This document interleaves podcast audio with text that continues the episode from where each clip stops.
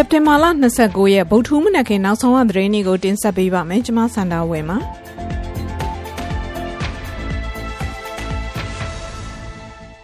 မြန်မာနိုင်ငံမှာသတင်းမီဒီယာသမားတွေကိုဖမ်းဆီးနှိပ်စက်ညှဉ်းပန်းနေမှုတွေချက်ချင်းရပ်ဖို့တိုင်းရင်းသားမီဒီယာတွေစုပေါင်းဖွဲ့စည်းထားတဲ့နိုင်ငံတကာမြန်မာသတင်းအဖွဲ့ BNI ကတောင်းဆိုလိုက်ပါတယ်။ အာနာသိမ်းပြီးရှစ်လနီးပါးကာလအတွင်းမှာဖမ်းဆီးခံထားရတဲ့သတင်းသမားတရာကျော်ရှိလာပြီးအဲ့ဒီအထက်ကတဝက်နီးပါးဟာအဖမ်းခံနေရဆဲဖြစ်တယ်လို့ဆိုပါတယ်။သတင်းသမားတွေကိုခိုင်မာတဲ့အကြောင်းပြချက်မရှိဘဲဖမ်းဆီးနေတာတွေကိုလည်းအပြင်းထန်ရှုံချတယ်လို့ဆိုပြီးကချင်ချင်းစကိုင်းမကွေးနဲ့မန္တလေးတိုင်းတို့မှာအင်တာနက်ဖြတ်တောက်ထားမှုတွေဟာလည်းလူမှုရဲ့သတင်းအချက်အလက်ရပိုင်ခွင့်နဲ့လွတ်လပ်စွာပြောဆိုခွင့်တွေကိုစစ်ကောင်စီကရည်ရွယ်ချက်ရှိရှိချိုးဖောက်နေတာဖြစ်တယ်လို့ BNI ကပြောပါတယ်။ဒါကြောင့် ဖမ်းထားတဲ့သတင်းသမားတွေကိုအမြန်ဆုံးပြန်လွှတ်ပေးဖို့အကျဉ်းထောင်နဲ့စစ်ကြောရေးမှာသတင်းသမားတွေကိုအကြမ်းဖက်ညှဉ်းပန်းနှိပ်စက်နေမှုတွေရပ်ဖို့သတင်းထုတ်လုပ်ခွင့်လိုင်စင်ရုပ်သိမ်းထားတဲ့ဌာနတွေကိုပြန်လည်ခွင့်ပြုဖို့စတာတွေတောင်းဆိုထားပါတယ်။တခါမြန်မာနိုင်ငံကလူအခွင့်အရေးအမျိုးသမီးအရေးနဲ့လူနည်းစုအရေးတက်ကြွလှုပ်ရှားသူအမျိုးသမီးတယောက်လူအခွင့်အရေးဆိုင်ရာနိုင်ငံတကာဆုချီးမြှင့်ခံခဲ့ရပါတယ်။ Women's Peace Network တည်ထောင်သူမဝဝေနုဟာ City of Athens Democracy ဆုကို ပြီးခဲ့တဲ့ဧပြီလတုန်းကချီးမြှင့်ခံခဲ့ရတာဖြစ်ပြီးဒီနေ့တော့ဆုကိုအွန်လိုင်းကတဆင့်လက်ခံရယူဖို့ရှိတယ်လို့သူကပြောပါတယ်။ရခိုင်ပြည်နယ်ဘူးသီးတောင်မှာမွေးဖွားပြီး1993မှာရန်ကုန်ကိုပြောင်းရွှေ့လာတဲ့မဝဝေနုဟာရိုဟင်ဂျာအရေးကိစ္စမှာရှေ့တန်းကပါဝင်ခဲ့သလို BBC ရဲ့ထူးခြားတဲ့အမျိုးသမီးတရားကဏ္ဍမှာထည့်သွင်းဖော်ပြခံခဲ့ရတဲ့အပြင်ကဘာကျော်တိုင်းမန်ဂဇင်းမှာလည်းမျိုးဆက်သစ်ခေါင်းဆောင်စင်းမှာပါခဲ့ဘူးသူဖြစ်ပါတယ်။ လွန်ခဲ့တဲ့10နှစ်တာကာလအတွင်းမှာမြန်မာနိုင်ငံမှာလူငယ်တွေနဲ့အမျိုးသမီးတွေအပြင်ရိုဟင်ဂျာလူနည်းစုတွေရဲ့အခွင့်အရေးကာကွယ်မြင့်တင်ရေးဒီဇိုင်းမမတ်ကြိုးပမ်းဆောင်ရွက်မှုတွေကြောင့်သူ့ကိုရွေးချယ်တာဖြစ်တယ်လို့စုရွေးချယ်ရေးအဖွဲ့ကပြောဆိုကြောင်းမဝေနုက BBC ကိုပြောပါတယ်။နှစ်စဉ်ပေးရလေးရှိတဲ့ City of Athens Democracy စုချီးမြှင့်ခံရသူအများစုဟာနိုင်ငံကောင်းဆောင်တွေဖြစ်ပြီးမဝဝေနုကတော့6ယောက်မြောက်ဆုရှင်ဖြစ်ကရွေးချယ်ခံခဲ့ရတဲ့ပထမဆုံးမျိုးသမီးဖြစ်ပါတယ်။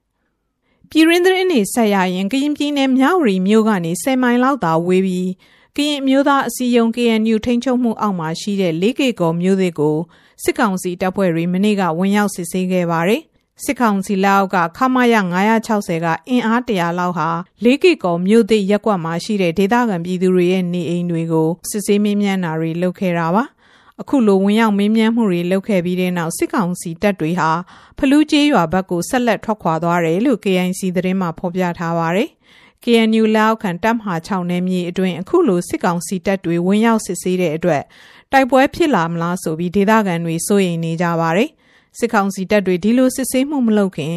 KNU ဘက်ကိုကြိုတင်အသိပေးအကြောင်းကြားမှုတွေရှိခဲ့ပါသလား။ဘာကြောင့်အခုလိုအချိန်မှစစ်ဆေးမှုတွေလှုပ်လာရသလဲဆိုတာတွေကိုကရင်အမျိုးသားအစည်းအရုံးဒုတိယဥက္ကဋ္ဌဖထိုးကွယ်ထူးဝင်းကို BBC သတင်းတောက်ကိုအောင်သူရကဆက်သွယ်မေးမြန်းထားပါတယ်။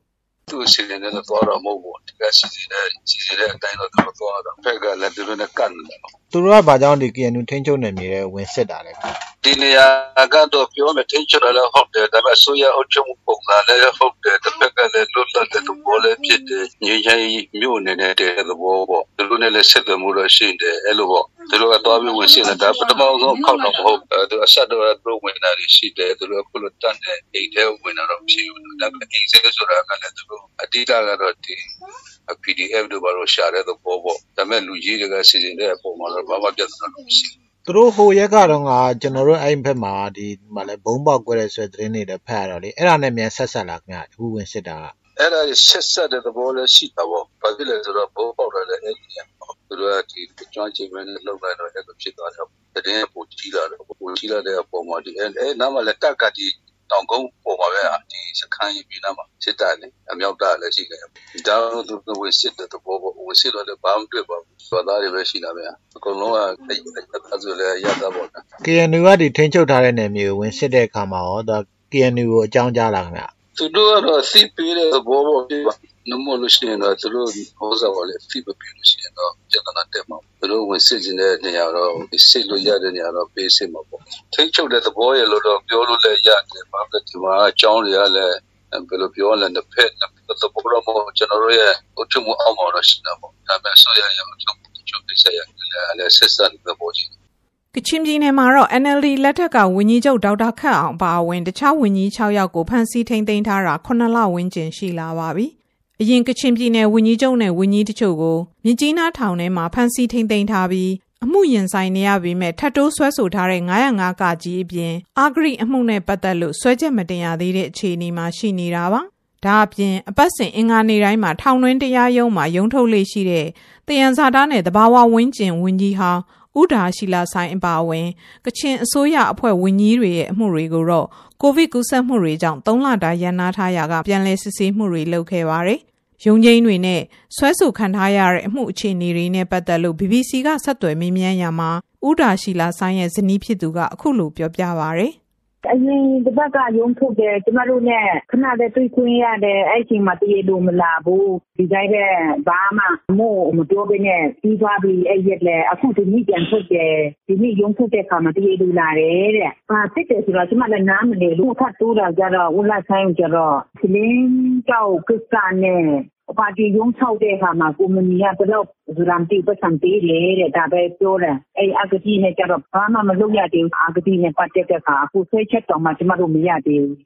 ရခိုင်မန်းမှာတော့အာနာသိမ့်ပြီးနောက်ပိုင်း NLD အစိုးရလက်ထက်တုန်းကရခိုင်ပြည်နယ်ဝန်ကြီးချုပ်ဦးညီဘူးအပါအဝင်ဝန်ကြီးဟောင်း9ဦးကိုဆွဲဆိုထားတဲ့အဂရိလိုက်စားမှုတိုက်ဖြတ်ရေးဥပဒေပုံမှန်55အမှုနဲ့ပတ်သက်လို့ရခိုင်ပြည်နယ်တရားလွှတ်တော်မှာတရားလိုကိုဒီနေ့စတင်စစ်ဆေးမှာဖြစ်ပါတယ် မနေ့ကတော့ဥညီပုကိုဆွဲဆိုထားတဲ့အမှုတွေတဲကတစ်ခုဖြစ်တဲ့စူပူအောင်လှုံ့ဆော်မှုပုံမှန်905ခါခွေးနဲ့ပတ်သက်လို့အွန်လိုင်းကနေတဆင့်ရုံးထုတ်စစ်ဆေးမှုတွေပြုလုပ်ခဲ့တာပါ။ဥညီပုဘက်ကတက်သေးတင်သွင်းတာမရှိတဲ့အမှုအခြေအနေနဲ့ပတ်သက်လို့တရားလွှတ်တော်ရှေ့နေဦးငိမ့်ချမ်းကျော်ကို BBC သတင်းတောင်ကိုမြင့်လွင်ကမေးမြန်းထားပါတယ်။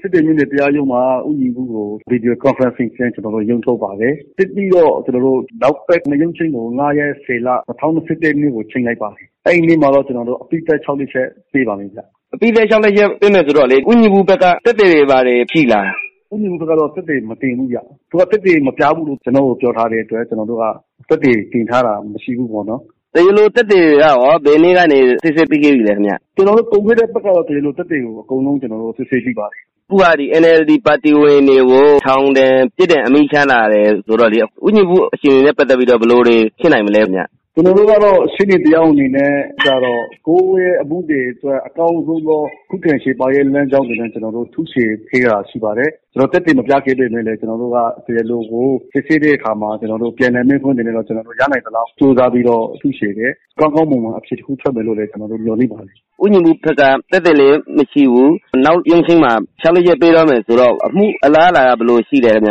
ကျနော်တို့ခုခံချေပရေးလမ်းကြောင်းကိုတော့အကောင်းဆုံးခုခံရေးလမ်းကြောင်းနဲ့ကျနော်တို့ခုခံခဲ့တယ်။ဒီသက်သေကြားလာမကြားလာကတော့ကျနော်တို့တပိုင်းပေါ့နော်။တချို့ဟာတွေကသက်သေကြားဖို့လည်းကျနော်တို့ခရီးနေတာတွေလည်းရှိတယ်။ဆိုတော့သက်သေကြားကြားမပြဗျာတရားမျှတမှုတစ်ခုကိုဦးညီပုရလိမ့်မယ်လို့ကျနော်တို့မျှော်လင့်ပါတယ်။လက်ရှိတော့ရခိုင်ဝန်ကြီးချုပ်ဟောင်းဦးညီပုအနေနဲ့တရားရုံးကိုသက်သေတွေတင်ပြတာမရှိသလို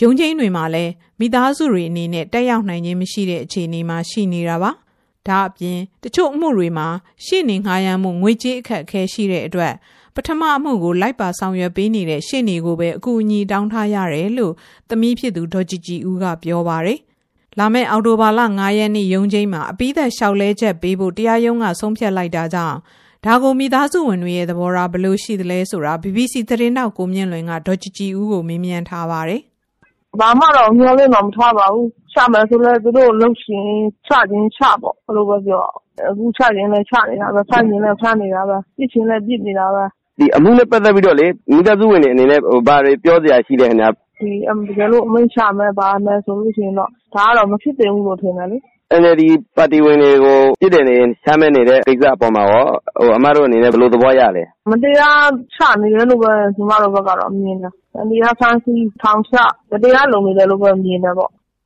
ထိုင်းနိုင်ငံမှာတော့ကိုဗစ်ကူးစက်မှုတွေကြောင့်ယောဂထိန်းချုပ်ရေးအပြင်းထန်ကြိုးစားနေရချိန်မှာရေကြီးမှုနဲ့ထပ်မံရင်ဆိုင်နေရပါတယ်။နိုင်ငံမြောက်ပိုင်းနဲ့အလဲပိုင်းကပြည်နယ်တွေမှာရေကြီးနေပြီးအနည်းဆုံးလူ6ယောက်သေဆုံးကအင်ဂျီ9000လောက်ရေမြုပ်နေပါတယ်။မနေ့ကတော့ထိုင်းအာဏာပိုင်တွေဟာဘန်ကောက်မြို့ရဲ့ရေလွှမ်းတဲ့နေရာတချို့မှာအပူတပြင်းရေဘေးဒဏ်ကာကွယ်ရေးလှုံ့ဆော်နေကြပါတယ်။ဒီယမ်မူအမီယာအပူပိုင်းမုန်တိုင်းကြောင့်ပြည်내30လောက်မှာရေကြီးနေပြီး နိုင်ငံအလဲပိုင်းမှာအဆိုးရွားဆုံးဖြစ်နေတယ်လို့ဘေးရန်ရဲ့ကာကွယ်ရေးဆိုင်ရာဌာနကပြောပါရယ်နိုင်ငံမြောက်ပိုင်းမှာလေတိုက်နှုန်းဟာတနအီကိုကီလိုမီတာ400လောက်ပြင်းထန်ခဲ့ပြီးတဲ့နောက်ချောင်ဖျားမြင့်ရေဟာတိုးနေတဲ့အတွက်အာဏာပိုင်တွေဟာဆယ်ရီတွေဖောက်ချဖို့စီစဉ်နေပါတယ်။ဘန်ကောက်မြို့ကနေမိုင်40အကွာမှာရှိတဲ့မြို့တော်ဟောင်းအယုဒ္ဓယမှာရေတိုးနေတဲ့အတွက်ရှီဟောင်းဖျားပထိုးစီရီတွေရေဘေးမသိအောင်ထိုင်းစစ်သားတွေက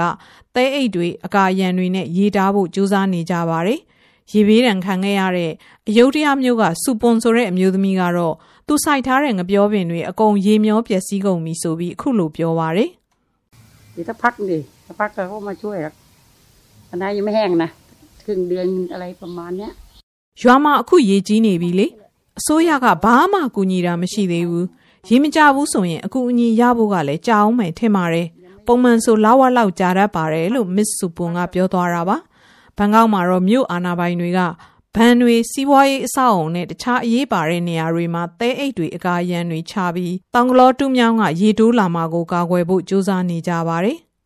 မနေ့ကကစားခဲ့တဲ့ Champions League အုပ်စုဘောလုံးပွဲတွေမှာ PSG က Man City ကို2ဂိုးကိုမရှိနဲ့အနိုင်ရခဲ့ပြီးအနိုင်ဂိုးတွေကို Gay နဲ့ Maxi တို့ကသွင်းပေးခဲ့တာပါ။ Inter Milan နဲ့ Shakhtar Donetsk တို့ပွဲမှာတော့ဂိုးမရှိသရေဖြစ်ခဲ့ပါတယ်။ တခါ Ajax က Besiktas ကို2ဂိုးကိုမရှိနဲ့နိုင်ပြီး Liverpool ကတော့ Porto ကို9ဂိုးတဂိုးနဲ့အနိုင်ရသွားခဲ့ပါတယ်ရှင်။